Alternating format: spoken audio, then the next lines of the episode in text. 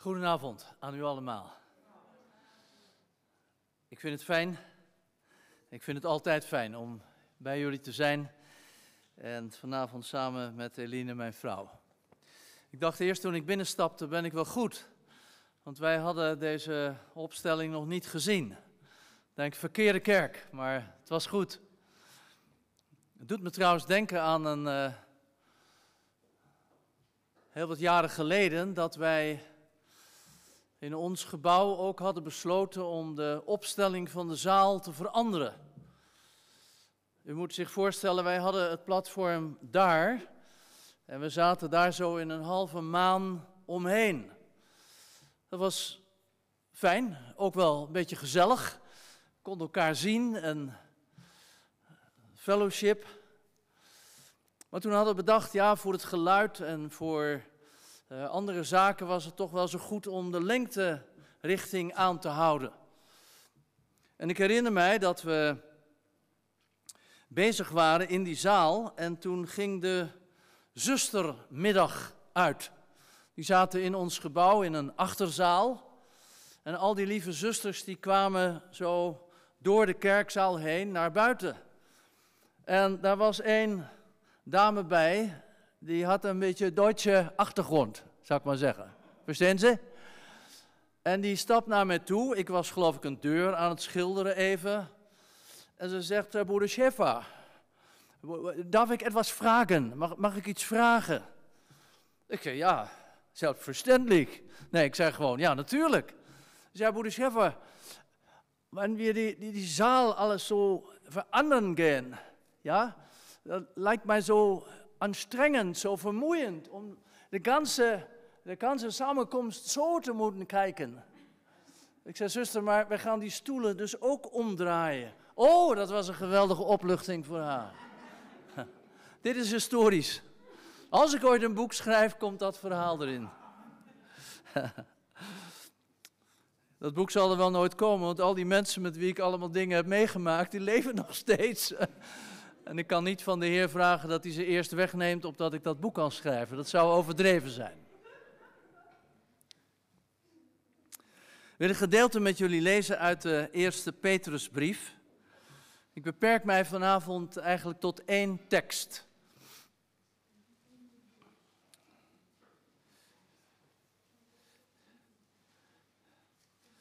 Ik zal even mijn telefoon uitzetten, want je zal het altijd zien.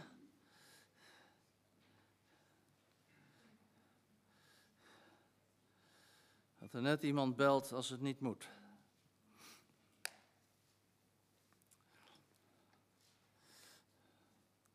Als een uh, prediker op zoek is naar populariteit, dan doet hij er goed aan om niet te spreken over mijn onderwerp vanavond.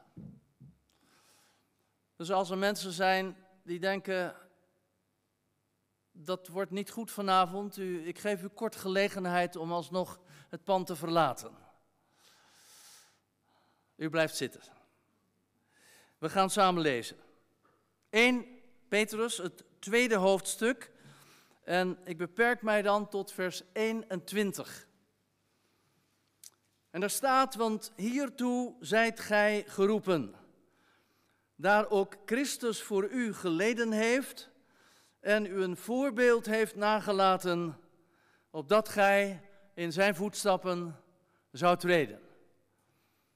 En voor de mensen die, voordat ze dingen tot zich door kunnen laten dringen, het twee keer moeten horen, lees ik het nog één keer. Hiertoe zijt gij geroepen. Christus heeft voor u geleden en heeft u een voorbeeld nagelaten opdat gij in zijn voetstappen zou treden. Toen Eline en ik 25 jaar geleden, herstel, 25 jaar verbonden waren aan onze gemeente als voorgangers-echtpaar, toen kregen wij een prachtige envelop. Die envelop op zich was al mooi, maar vooral wat erin zat. En dat heeft ons toen in staat gesteld om een prachtige reis te maken naar Israël. Ik zou graag nog eens in Israël zijn. Ik weet dat het één keer gaat gebeuren als Jezus terugkomt. Maar dat gaan we een andere keer behandelen. Maar we hebben daar prachtige ervaring gehad. En ik moet u zeggen, tijdens die reis waren er twee momenten dat ik mijn tranen niet kon tegenhouden. Ik ben niet zo emotioneel, maar als het moet, God heeft ons ook tranen gegeven om ons te kunnen uiten. Sommige mensen doen dat altijd op die manier, daar moet mee gebeden worden, maar eh, twee momenten waren daar. Het ene moment was toen wij daar stonden op het grote tempelplein. Ja, ik zeg wij, want de vrouwen mochten daar niet komen. Dat had ik niet bedacht, maar zo is daar de Joodse inzetting. En de mannen mochten wel op dat plein en moesten een keppeltje op. Vrouwen en de kinderen stonden achter hekken te kijken naar wat zich daar afspeelde. En er waren een paar Joodse jongetjes die in het openbaar onder handoplegging van de rabbijnen werden bevestigd in het orthodox Joodse geloof. Met een grote Torah-rol, waar zij een kleine proeven van leesbekwaamheid uit moesten afleggen, werd er dan onder handoplegging voor hen gebeden. En ik moet u zeggen, de vreugde die daar zichtbaar was, ongekend. Het was niet een toneelstukje voor toeristen zoals wij. Dit was echt. Ja, zegt iemand, maar dat is toch oud-testamentisch? Ja, dat is oud-testamentisch. Maar ik dacht bij mezelf, daar kunnen wij als Pinkstermensen nog wel wat van leren. Wij spreken graag over de vreugde van de Heer die onze kracht is. Ja, toch? En het is ook geweldig om blij te zijn als het goed met je gaat. Maar er zijn ook van die andere momenten in het leven. En hoe is het dan? De dames en de kinderen achter de hekken die begonnen, als het daar was voltooid, met snoepgoed te gooien, met toffies, harde toffies. Toen begreep ik waarom ik beter iets op mijn hoofd kon zetten.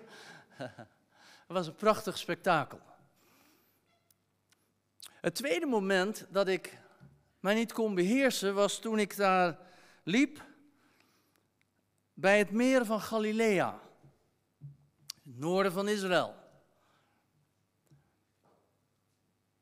En het was op dat strandje, dat historische strandje, ik heb het nagevraagd, dat onze Heer Jezus Christus met zijn vriend Petrus een onder onsje had. We hebben net paasfeest gevierd en ongetwijfeld is ook in die viering weer ergens Petrus voorbij gekomen. Zou het niet? Petrus met zijn grote mond, maar met zijn kleine hart, die Jezus zo lief had en die toch uit angst voor zijn leven op een gegeven moment tot drie keer toe heeft gezegd, ik hoor niet bij hem, ik ken hem niet. En ik realiseerde mij toen ik daar liep, ik weet niet of we samen waren, de voetstappen van Jezus en Petrus waren al lang niet meer zichtbaar.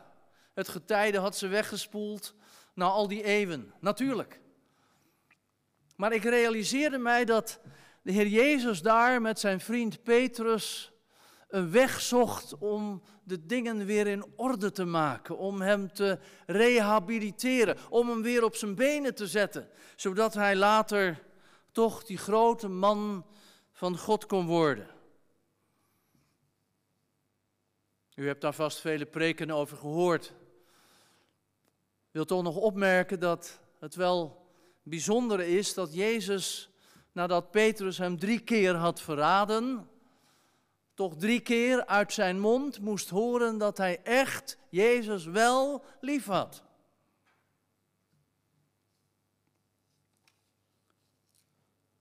Jezus zei tegen Petrus bij een andere gelegenheid: Ik geef je de sleutels van het koninkrijk der hemelen. Daar komt die fabel vandaan dat als iemand heen gaat, dat hij dan wordt opgewacht bij de hemelpoort met Petrus en een grote bos sleutels op zak. Maar Petrus heeft die sleutels drie keer in zijn bediening gebruikt. De eerste keer was op de Pinksterdag, toen hij door zijn prediking het evangelie en daarmee het koninkrijk van God ontsloot voor de Joodse mensen. 3000 kwamen er tot geloof en lieten zich die dag dopen onder beleidenis van hun zonde. De tweede keer dat Petrus die sleutels die Jezus hem gaf gebruikt heeft, was toen hij daar was in het huis van die Romeinse man, Cornelius. Was voor een Joodse man als Petrus niet toegestaan om daar te zijn, maar de Heer had hem erop aangedrongen, ga er wel heen, gehoorzaam. En Petrus predikte daar het evangelie, u kent het verhaal in Handelingen. En de Heilige Geest kwam over die mensen, ze kwamen tot geloof, ze hielden doopdienst in dat huis. En toen ging het evangelie, toen ging het koninkrijk van God ook open voor de heidenen. In Handelingen 8 kom je nog tegen dat Petrus er speciaal bij werd gehaald om te bidden voor die mensen die daar in Samaria, half Joden zou je kunnen zeggen, dat er precies tussenin toch die mensen onder de prediking van Filippus de evangelist tot geloof waren gekomen. En ze vroegen Petrus om te komen en voor hen te bidden. En de Heilige Geest kwam over hen en het werd een groot feest. Petrus werd door Jezus gerehabiliteerd en is de groot man van God geweest. Hij heeft geleden voor zijn Heer. Jezus vertelde hem dat hij door de kruisdood aan zijn eind zou komen. En de geschiedenis vertelt ons dat Petrus overigens op zijn eigen verzoek, uit respect en liefde voor zijn Heer, ondersteboven zich heeft laten kruisigen.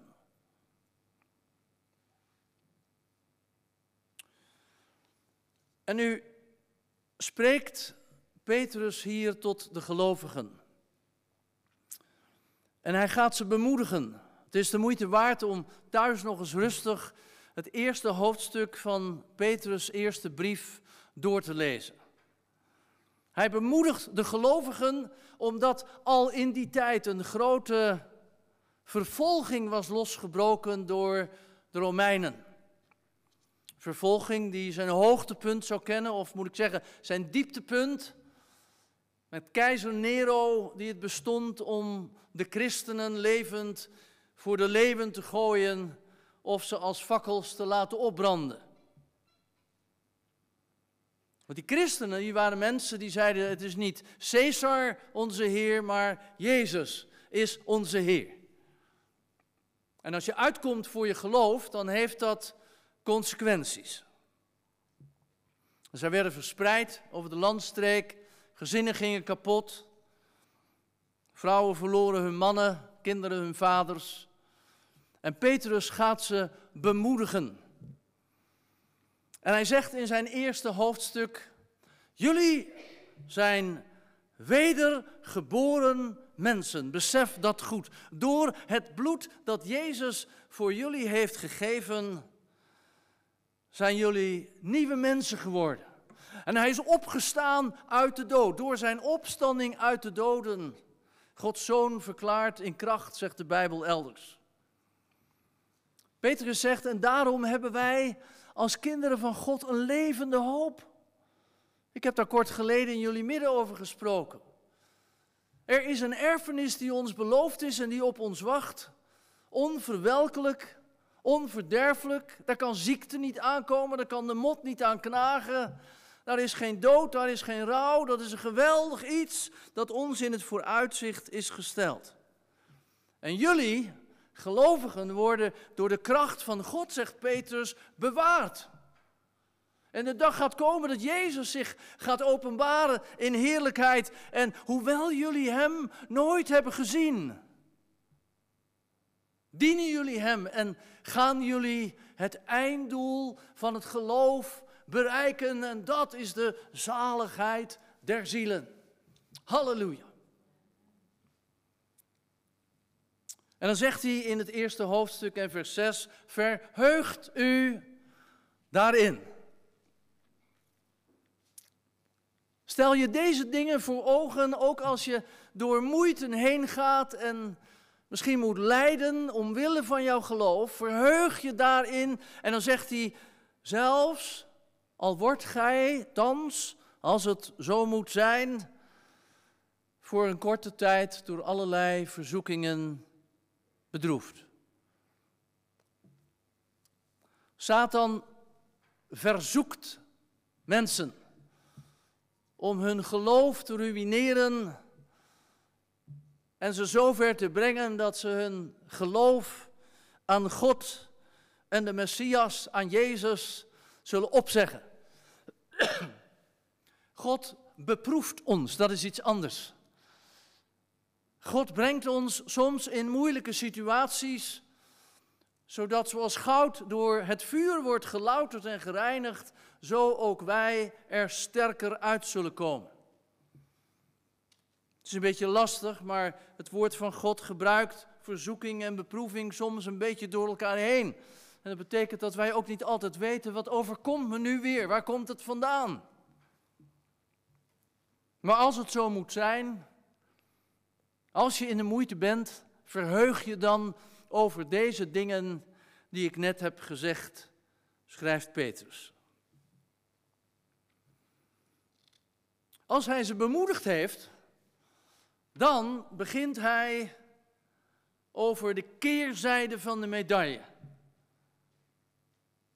Want het volgen van Jezus is niet alleen maar, zoals vroeger wel gedacht werd, glorie, halleluja en gedurig overwinning.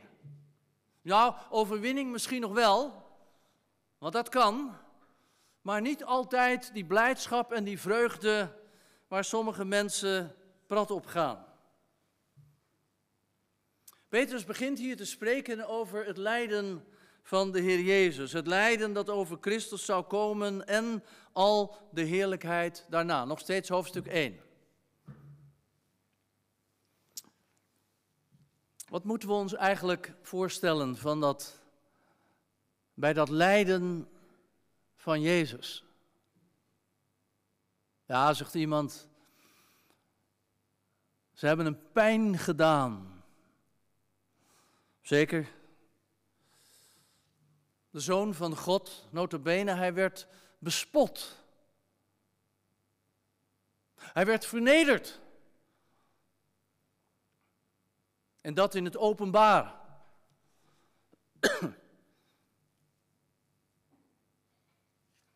Is een les als je kinderen hebt en je wilt ze corrigeren. Doe dat vooral, maar nooit in het openbaar, want je vernedert die kinderen. Jezus werd bespot, hij werd vernederd. Ze hebben hem geslagen. Hij werd verlaten door mensen om hem heen. Hij werd verlaten door zijn eigen vrienden. Hij heeft pijn geleden. Zijn lichaam werd geteisterd door grote gaten die door zijn handen en zijn voeten en ook zijn zij werden aangebracht. Kruis. Maar het dieptepunt van het lijden van onze Heer Jezus Christus was dat hij daar hing in de totale Godverlatenheid. Er is niemand op deze wereld die weet wat dat is.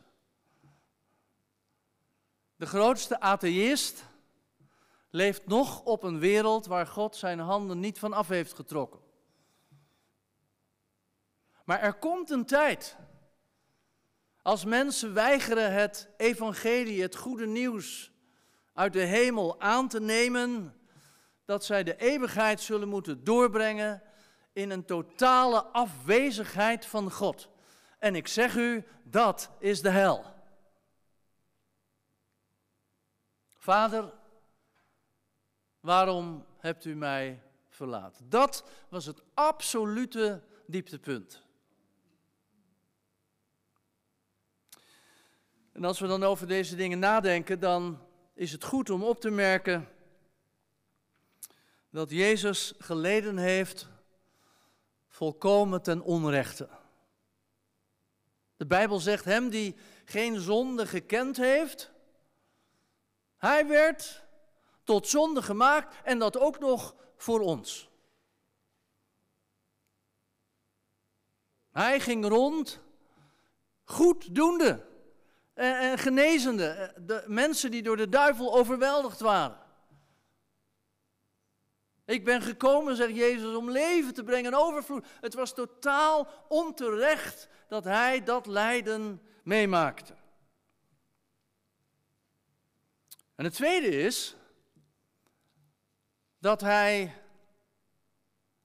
weinig moeite had hoeven doen om zich te verweren tegen al die boosdoeners bij elkaar. In de hof van Gethsemane hoor ik Jezus zeggen: Denk je niet dat ik nu niet twaalf legioenen engelen ter beschikking kan aanroepen om mij te bevrijden van deze boosdoeners die mij gevangen willen nemen? Ik zeg het met mijn eigen woorden. Hij, door wiens woord de zee en de storm moest gehoorzamen en moest gaan liggen. Onze Heer die we horen zeggen van mij is alle macht in de hemel en op de aarde. Hij had alle mogelijkheid om zich met groot succes te verzetten tegen het lijden dat hem overkwam. En hij deed het niet. Halleluja. Kom af van het kruis. Stel je voor dat de Heer van zijn mogelijkheden gebruik had gemaakt.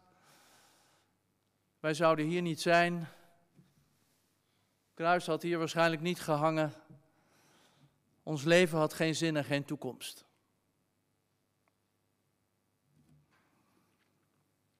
Je lezen wat Petrus alleen al over het lijden van de Heer Jezus zegt, dan maakt hij ons duidelijk wat Jezus niet deed. Voor alle duidelijkheid. Hij zondigde niet. In wat hij doormaakte, hij zondigde niet. Ten tweede, hij loog niet. Zelfs niet voor zijn bestwil. Als hij gescholden werd, zegt Petrus, dan schold hij niet terug. En als ze dreigend voor hem stonden, dan dreigde hij ook niet. Maar Petrus zegt ons wat Jezus wel deed. De zoon van God staat er, gaf wat hem overkwam. Hij gaf het over aan hem die rechtvaardig oordeelt. Vader in de hemel. Jezus gaf wat hem overkwam, zijn lijden ten onrechte, hoewel hij zich kon verweren. Hij deed het niet, maar hij gaf het over, hij gaf het uit handen, hij liet het los en hij gaf het aan zijn Vader in de hemel. En daarmee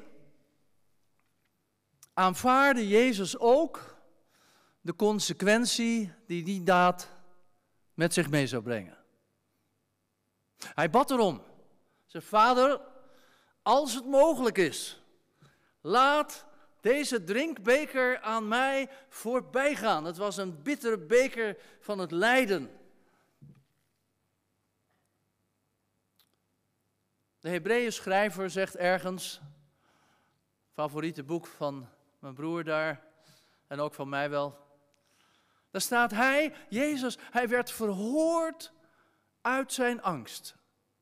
Hij werd verhoord, hoewel hij dat lijden moest ondergaan, maar zijn angst werd weggenomen. De angst voor de dood, daar was een engel uit de hemel die hem kracht gaf toen het zo zwaar was voor hem. Jezus ontving bijzondere genade van God te midden van dat lijden. Zo heeft hij het voor ons volbracht. Glorie voor zijn naam.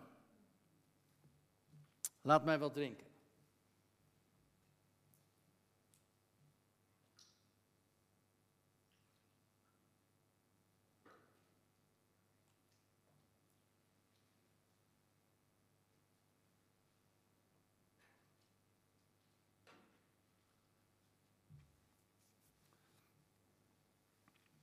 En hier is nu onze tekst.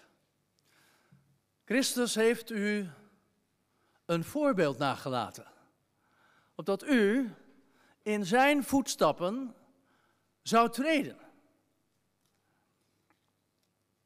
En hoofdstuk 4 onderstreept Petrus dit als het ware nogmaals en hij zegt daar Christus naar het vlees geleden heeft, moet ook gij u wapenen met dezelfde gedachte. Ik zei het al, niet een populair onderwerp, althans niet voor vele gelovigen.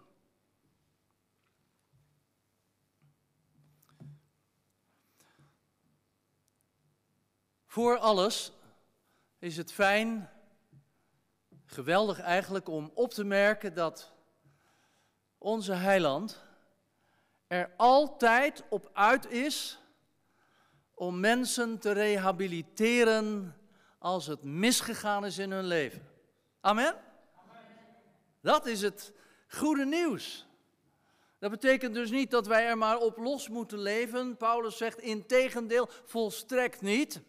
Maar als het dan mis is gegaan, dan is daar altijd een weg. Zegt de Bijbel niet, het bloed van Jezus dat reinigt ons van alle zonde. En als wij zeggen dat er niets aan de hand is, mijn eigen vrije vertaling, dan, dan is de waarheid niet in ons. Maar als wij wat mis is gegaan, als we dat beleiden, dan is Hij getrouw en rechtvaardig om ons de zonde te vergeven en, help me, en ons te reinigen van alle ongerechtigheid. Halleluja. Dat is het heerlijkste wat een mens op deze wereld kan meemaken. Vergeving van schuld te ontvangen. Ik weet nog, ik heb het u wel eens verteld, toen ik als jonge jongen, jaar 15, 16, dat meemaakte. Ik voelde me zo licht en ik wist niet hoe het kwam. Later heb ik me gerealiseerd dat er iets van me wat afgevallen, iets van me was weggenomen, waar ik me tot dat moment niet zozeer eigenlijk uh, besef van had. Maar ik was schoon, het was klaar. En wat er dan moet gebeuren, voor geval iemand zegt, hé, hey, dat is in mijn leven nog nooit uh, gebeurd, dat is dat je je dan laat dopen. Petrus zegt het zo in zijn derde hoofdstuk. Hij zegt, die doop, dat is niet afwassen van je lichamelijke onreinheid om schone handen te krijgen, ook belangrijk. Nee, dat is het, de bede, letterlijk het antwoord van een goed geweten naar God toe. Dat is de doop. En prijs God als je nog niet gedoopt bent. God kent je hart. Doe het. Want dat is je beleidenis. Petrus moest beleiden dat hij de Heer echt lief had. Tot drie keer toe. Jezus wilde het van hem horen. Zo is het ook met de doop. En wat zegt de Bijbel dan als wij met hem, met de Heer Jezus, begraven zijn in de doop? Dan zijn we opgewekt door de majesteit van de Vader en dan wandelen wij in een nieuw leven. En op een andere plek lees ik, als wij nu kinderen van God zijn, nu komt het, dan zijn we ook mede-erfgenamen met Christus. Immers, onderwerp van vanavond, als wij delen in zijn lijden, dan is dat om ook te delen in zijn verheerlijking. Glorie voor zijn naam. Rehabilitatie. Maar hoe zit dat nou met dat lijden van Christus die ons voorbeeld is? Wat stellen wij ons nou daarbij voor? Ik herinner mij dat we heel lang geleden op het Zuidplein in Rotterdam, wel bekend bij een enkeling hier ongetwijfeld, aan het evangeliseren waren. Wij deelden folders uit met het goede nieuws. En daar was een bloemenman die daar zijn stand had, al sinds jaar en dag. En ik dacht, die man die moet dat ook horen. en ik gaf hem een folder. Nu ben ik gelukkig kwijt wat die man allemaal over mij uitstortte, maar ik zal u vertellen, het was niet best. Hij vernederde mij. Ik voelde me aangedaan. Terwijl we bezig waren om het goede nieuws van Jezus in deze wereld te verspreiden, werd ik weggezet als een kleine jongen. En dat deed pijn.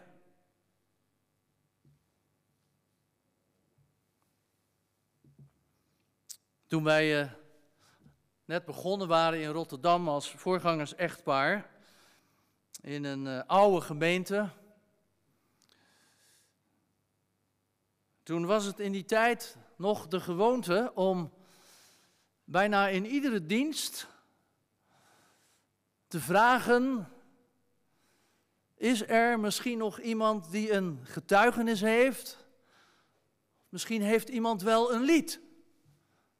Moet u nagaan dat wij een organist hadden toen, die bij elk willekeurig lied altijd met hetzelfde voorspel kwam. Dat is ook een kunst apart. dat hou je niet voor mogelijk. Heeft iemand nog een lied? Nou heeft God vreemde kostgangers rondlopen op deze wereld. En er was een man, zeg, hij heette Muus.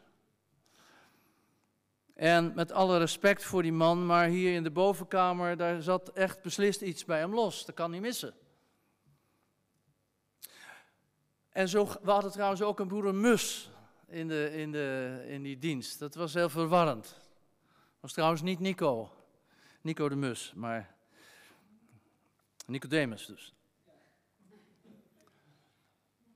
Maar als, als dan werd gevraagd vanaf het platform, heeft iemand nog een lied? Hij was altijd de eerste. Er was geen spel tussen te krijgen. 150 uit de bundel, broeder. Ik weet niet hoe vaak we dat lied hebben gezongen. Weet iemand welk lied dat is? Natuurlijk, welk een vriend is onze Jezus. Och, wat hebben we dat vaak gezongen. Tot mijn schande moet ik zeggen, we hebben het zo vaak gezongen toen, dat ik echt op een punt kwam dat ik dacht, dat lied leg ik even terzijde. We hebben broeder Muus ook wel duidelijk gemaakt dat hij het echt over een andere boeg moest gooien. En hoe dat verder is gegaan, heeft de Heer gelukkig uit mijn herinnering weggenomen. In, in een van die coupletten van 150 uit de bundel zegt het als soms vrienden ons verlaten. Ik ben een prediker van het goede nieuws, maar ik kan u zeggen, ik ben in het evangelie vrienden kwijtgeraakt. Mensen die eerst met ons zijn opgetrokken, die de Heer hebben verlaten, die het er op een gegeven moment weer niet mee eens waren, weg zijn gegaan, met allerlei smoesjes, soms zelfs met valse profetietjes om het te onderbouwen. En in sommige gevallen, het is erg om te zeggen, worden dat soort vrienden die je de rug toekeren, tegenstanders en soms zelfs verraders. Ik heb meegemaakt. Heel pijnlijk. En waarom dat? Mensen, laten we wat anders gaan doen. Waarom zou je dat allemaal ondergaan? Weet u waarom? Omdat het volgen van Jezus bepaalde vormen van lijden met zich meebrengt. Ik zei u al, het is niet een populair onderwerp. Maar als wij niet weten wat de realiteit van ons christen zijn is, dan zullen we hopeloos falen vroeg of laat. Mijn lieve vader, van wie ik erg veel heb gehouden, en ook mijn lieve moeder trouwens, ze zijn allebei al lang heen gegaan. Maar mijn vader kwam op een punt in zijn leven dat hij dingen ging doen waar wij ons als discipelen van Jezus niet in konden vinden. Dat hebben we hem duidelijk gemaakt. En we zijn elkaar wel blijven zien in die jaren, maar onder bepaalde voorwaarden. Dat heeft mijn vader erg veel pijn gedaan, maar ons ook.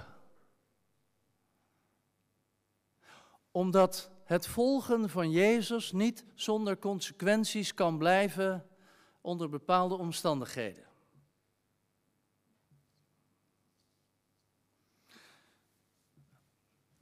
En als we het er dan toch over hebben, hoe zit dat nou eigenlijk met die broeders en zusters waar wij van tijd tot tijd voor bidden, de vervolgde kerk? Kent u dat? Mensen ver weg in Azië en Rusland en allemaal moeilijke landen, die omwille van hun geloof in Jezus vervolgd worden. Die in kerkers worden opgesloten. Dat was niet alleen in de dagen van Petrus zo, de dagen van het Nieuwe Testament, maar het gebeurt nog steeds in grote delen van de wereld. Waar gezinnen uit elkaar worden gereten, vrouwen weduwe worden omdat die mannen worden afgemaakt, alleen maar omdat ze geloven in Jezus Christus en weigeren Hem op te geven. Mag ik eens vragen, uh, Waarom zij wel en wij niet eigenlijk? Ja, het is ver van ons bed.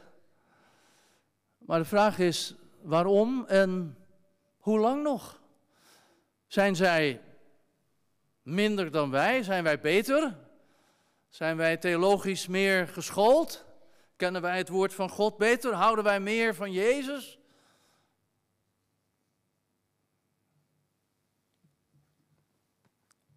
Paulus schrijft ergens aan de Thessalonicenzen en hij bemoedigt ze. Hij zegt, ik, ik roem over jullie, ook in andere gemeenten waar ik kom. Vanwege jullie volharding en jullie geloof onder al uw vervolgingen en de verdrukkingen die gij doorstaat, dat is een bewijs dat gij het koninkrijk van God waardig geacht zijt voor het welke gij ook leidt. Ik zeg u vanavond, dat het volgen van de Heer consequenties heeft in de tijd waarin wij leven en nog veel meer consequenties zal hebben in de tijd die voor ons ligt.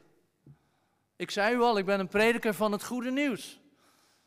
Maar iedereen die een beetje nadenkt, de krant leest en tv kijkt, weet dat deze wereld snel aan het veranderen is. En ik zeg u, het zal nooit meer worden zoals het was.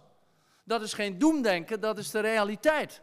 Sterker nog, de Bijbel wijdt daar uitvoerig over uit en zegt dat er een tijd zal komen van een totalitair regime, waar mensen tot slaaf worden gemaakt, waar mensen worden gecontroleerd, waar mensen die in Jezus geloven vervolgd zullen worden.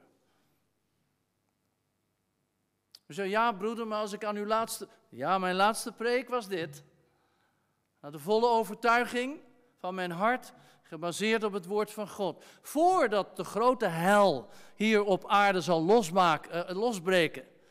Onder leiding van een man die genoemd wordt de antichrist. Waar de Bijbel meermaals over spreekt. Voordat dat allemaal ten volle openbaar wordt, zal de Heer zijn gemeente thuishalen in heerlijkheid. Amen. Dat zullen wij niet ten volle meemaken. Maar laat niemand hier beweren dat wij vrij zullen blijven van enige vorm van beproeving, verzoeking, van geloofsvervolging, van lijden omwille van Christus. Dan begrijpt u niet waar het over gaat.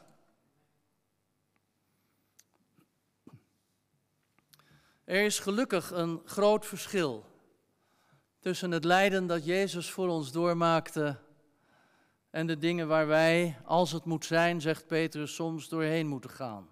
Omwille van ons geloof. En het verschil is dit. Dat Jezus daar hing in de totale Godverlatenheid. En dat wij mogen weten. Zelfs al gaan wij door een duister dal, ik vrees geen kwaad, want gij zijt bij mij. Hij hing daar alleen in zijn lijden. Maar nu mogen wij weten wat er ook gebeurt en hoe het zal zijn en wanneer het ook gebeurt. Hij is bij ons. Dat is één. Het tweede dat we ons moeten realiseren is dat er bijzondere genade van God zal zijn wanneer wij in moeizame situaties terechtkomen. Ik heb het bewust maar overgeslagen, maar nu noem ik het natuurlijk toch. 1 Petrus hoofdstuk 1. Als iemand met God rekening houdt en leed verdraagt dat hij ten onrechte leidt, let op, dat is genade bij God. En in het vers daarna lees ik, als gij goed doet en dan lijden moet verduren, dat is Gods genade. U mag weten, broeder en zuster, wat is, wat nog zal zijn voordat de dag aangebroken is dat Jezus komt. Wanneer wij door moeitevolle dingen heen gaan. We zijn niet alleen, Jezus wel, wij niet. En in de tweede plaats, daar zal genade van God zijn om ons er doorheen te helpen. De psalmist zegt het ergens zo. Zegt, met God spring ik over een muur. Maar hij zegt in, die psalm, in diezelfde psalm, met God, wat staat er? Loop ik op een legerbende in. Dat betekent, samen met de Heer, in het ene geval tilt hij ons over de dingen heen. En in het andere geval moeten we er dwars doorheen. Maar samen met Hem.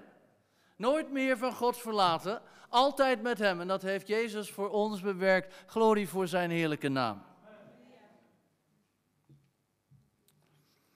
Nu, iemand zou kunnen zeggen, eigenlijk is dat toch een hele moeilijke, moeilijk scenario dat wordt geschilderd. Nou wijs ik u erop, dat is niet wat ik schilder, maar dat is wat het woord van God ons leert. En iemand zou kunnen zeggen, misschien omdat jij, u, op dit moment wel midden in een bepaalde situatie zit, steek uw hand niet op om erover te getuigen, dat is helemaal nu niet aan de orde. Het zou kunnen zijn dat iemand denkt, ja maar als ons onrecht wordt aangedaan, als er ten onrechte dingen in onze schoenen worden geschoven, dan hoeven wij dat toch niet slaafs altijd maar te pikken, om het op zijn Hollands te zeggen.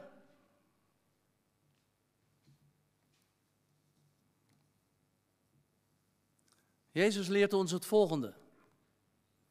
Hij zei een, een slaaf, over slaafs gesproken, een slaaf staat niet boven zijn Heer.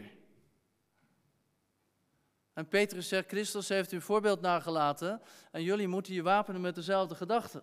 Een slaaf staat niet boven zijn Heer. En er was een uitspraak die Jezus deed die ik heel lang niet goed heb kunnen plaatsen. Hij zei, ik, ik noem jullie niet meer slaven, jullie zijn mijn vrienden. En nu komt het, en dan zei hij erachter, maar dan moet je doen wat ik zeg. Ik dacht bij mezelf, wauw, wat een, wat een, uh, wat een uh, afspraak is dat. Wil jij, ik wil graag dat jij mijn vriend bent op één voorwaarde, jij moet doen wat ik zeg. Maar later hebben we gerealiseerd dat Jezus hier sprak over zijn liefde die hij zou meedelen aan degenen die hem zouden volgen. Zei, een nieuw gebod zal ik jullie geven. Wandel in mijn liefde. En u moet zich realiseren dat de Heer nooit dingen van ons vraagt die wij niet kunnen volbrengen. Sterker nog, de Bijbel zegt, de Heilige Geest, de liefde van God, is in ons hart uitgestort door de Heilige Geest. Dat is onze toerusting. En nu begrijp ik waarom Jezus zegt: Jullie zijn mijn vrienden als je daarin wandelt, als je mijn liefde demonstreert. Ik geloof dat een preek altijd concreet moet zijn. Als we naar huis gaan, naar de samenkomst, dat we niet alleen zeiden, nou het was weer fijn en ik voel me zo gezegend. Nee, wat kan ik hiermee?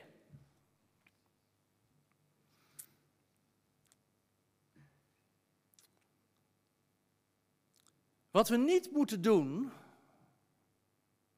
is wat Petrus deed.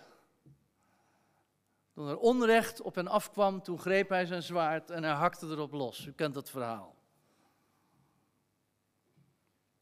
Abraham zocht het in zijn eigen wijsheid, maar de Bijbel zegt: steun niet op je eigen inzicht. Doe het niet. Jacob probeerde zijn doel te bereiken door te manipuleren. Dat zijn allemaal dingen die wij als kinderen van God niet moeten doen. Twee stappen in geloof. Heel concreet. De eerste is moeilijk, de tweede zo mogelijk nog meer. Maar dat is de sleutel en dat is de oplossing. Wat deed Jezus toen hij ten onrechte moest lijden en ons daarin tot een voorbeeld is, opdat wij in zijn voetstappen zouden wandelen? Wat deed hij? De Bijbel zegt, hij gaf het over aan hem die rechtvaardig oordeelt. Hij gaf het onrecht dat hem werd aangedaan en het lijden dat daarmee samenhing, hij gaf het uit handen aan zijn vader in de hemel. Hij liet het los. Hij gaf het weg. En dat niet alleen, maar hij aanvaarde, luister goed, dit is belangrijk. Hij aanvaarde daarmee de consequenties die daaruit voort zouden kunnen komen. Hij wist, vader is rechtvaardig en hij weet hoe de dingen zijn. De psalmist helpt ons ergens en hij zegt, Gij, Heere God, gij ziet het. En gij aanschouwt moeite en verdriet om het in uw hand te leggen. Petrus zegt het met zijn eigen woorden in het vijfde hoofdstuk.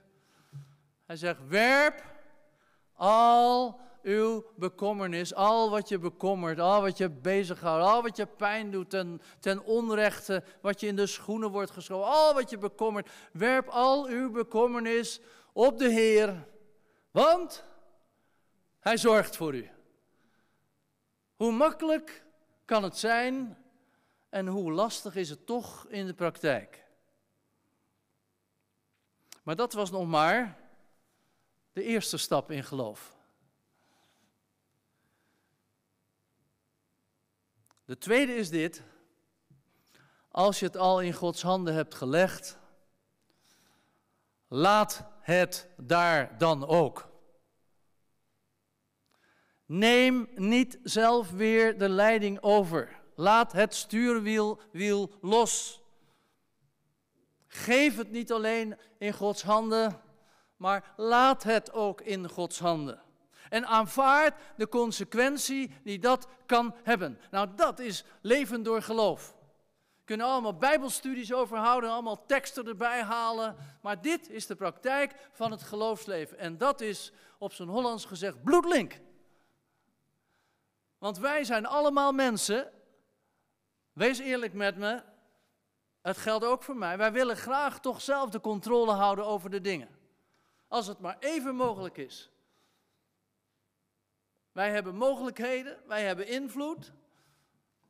Sommigen zijn van de tongriem gesneden. Ze kunnen het goed zeggen, ze kunnen zich verwoorden. Anderen zijn al jaren op de sportschool en die kunnen verweer bieden. Maar als je het uit handen geeft en je laat het in Gods hand, dat is een linker bedoeling. Zo ervaren wij dat.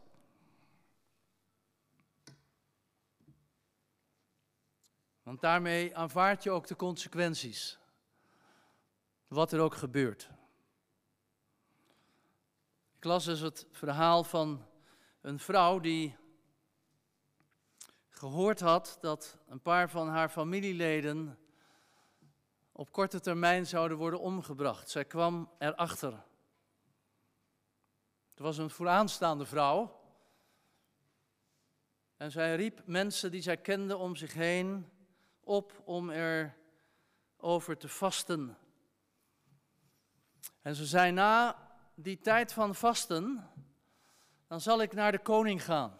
U moet weten, dat was in die tijd, trouwens nu nog, Je kwam daar niet zomaar binnen. Zelfs niet als de koning je eigen man was.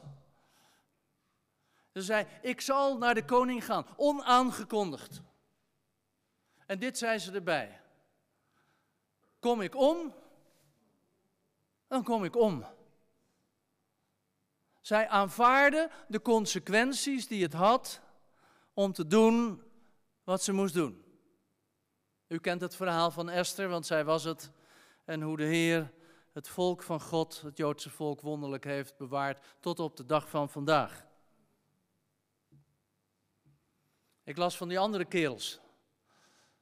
Prachtmannen waren dat, jonge kerels nog. Er was in die tijd een, een heerser die een beeld had opgericht. Tussen twee haakjes, dat is precies wat in de eindtijd ook nog een keer gaat gebeuren. Maar dat terzijde. Hij had een beeld opgericht en hij verwachtte dat al zijn onderdanen voor dat beeld zouden buigen en knielen en het zouden aanbidden. Op straffen des doods. Iedereen boog als een knipmes. Maar er waren er drie die vertikten dat. Ik ben hun namen even kwijt. Kan je me helpen? Zadrach, Mezach en Abednego. Ja, Zadrach, Mezach, Abednego. Ik wist het wel, maar ik wou even kijken of jullie erbij waren. En men had uitgevonden dat zij niet bogen. Omdat zij geloofden in de God van Israël. Ze werden gegrepen. Pardon. Zij kregen nog één keer de gelegenheid om hun gedachten te herzien. En dit is wat ze zeiden. Prachtig. Indien onze God, die wij vereren, in staat is ons te bevrijden, dan zal Hij ons uit deze vurige brandoven bevrijden. En ook uit uw macht, o koning. Maar zelfs indien Hij dat niet doet, dan moet het u bekend zijn, koning, dat wij uw goden niet vereren en het gouden beeld dat gij hebt opgericht niet aanbidden. Zij aanvaarden de consequentie. En nu komt het. De koning stond erbij toen de oven zeven keer heter was gestookt. En er gingen er drie in. En toen hij over de rand keek na verloop van tijd, toen zag hij er vier. En hij zag iemand bij hen in de vlammen als een zoon des mensen. Het was de Heer Jezus Christus zelf. Voordat hij geboren werd in Bethlehem, hij was daar de engel van de Heer. Dat is het aanvaarden van de consequentie als je dingen uit handen geeft aan Hem. Ik ga eindigen. Psalmist zegt het op een gegeven moment zo: Wentel, daar heb je het weer, wentel uw weg op de Heer. Psalm 37. En vertrouw op Hem en Hij zal het maken. Wees stil voor de Heer en verbijt Hem. Wacht op de Heer. Dat is het moeilijkste van alles. Als er niks gebeurt en alles loopt uit de hand voor ons gevoel. Wacht op de Heer. Wees stil voor Hem. Ten derde, sta af van de toorn. Laat je grimmigheid varen. Juist als er onrecht wordt gedaan, dingen gebeuren die je niet hebt verdiend en je te lijden hebt daardoor, laat je boosheid, je toorn en je grimmigheid los. En besef de ootmoedigen, dat wil zeggen de nederige mensen, die krijgen de erfenis, die beërven het land. Wat God doet, dat is wel gedaan. Zijn woord is ja en amen. Wie rustig hem zijn gang laat gaan, die zal hij niet beschamen. Ik eindig met wat Petrus ons meegeeft uit zijn eerste brief en het vierde hoofdstuk. Lieve mensen, geliefden, laat de vuurgloed die u tot beproeving dient u niet bevreemden alsof u iets vreemds overkwamen. Integendeel, verblijd u naarmate gij deel hebt aan het lijden van Christus, opdat gij u ook met vreugde zult mogen verblijden bij de openbaring van zijn heerlijkheid. Indien gij smaad leidt door de naam van Christus, dan zijt gij zalig, omdat de geest der heerlijkheid, de geest van God op u rust. Ik hoop, ik bid, we gaan het samen doen, dat u uit die genade wilt leven, hoe het ook zal zijn en hoe het ook zal worden, tot de dag dat Jezus komt. Amen.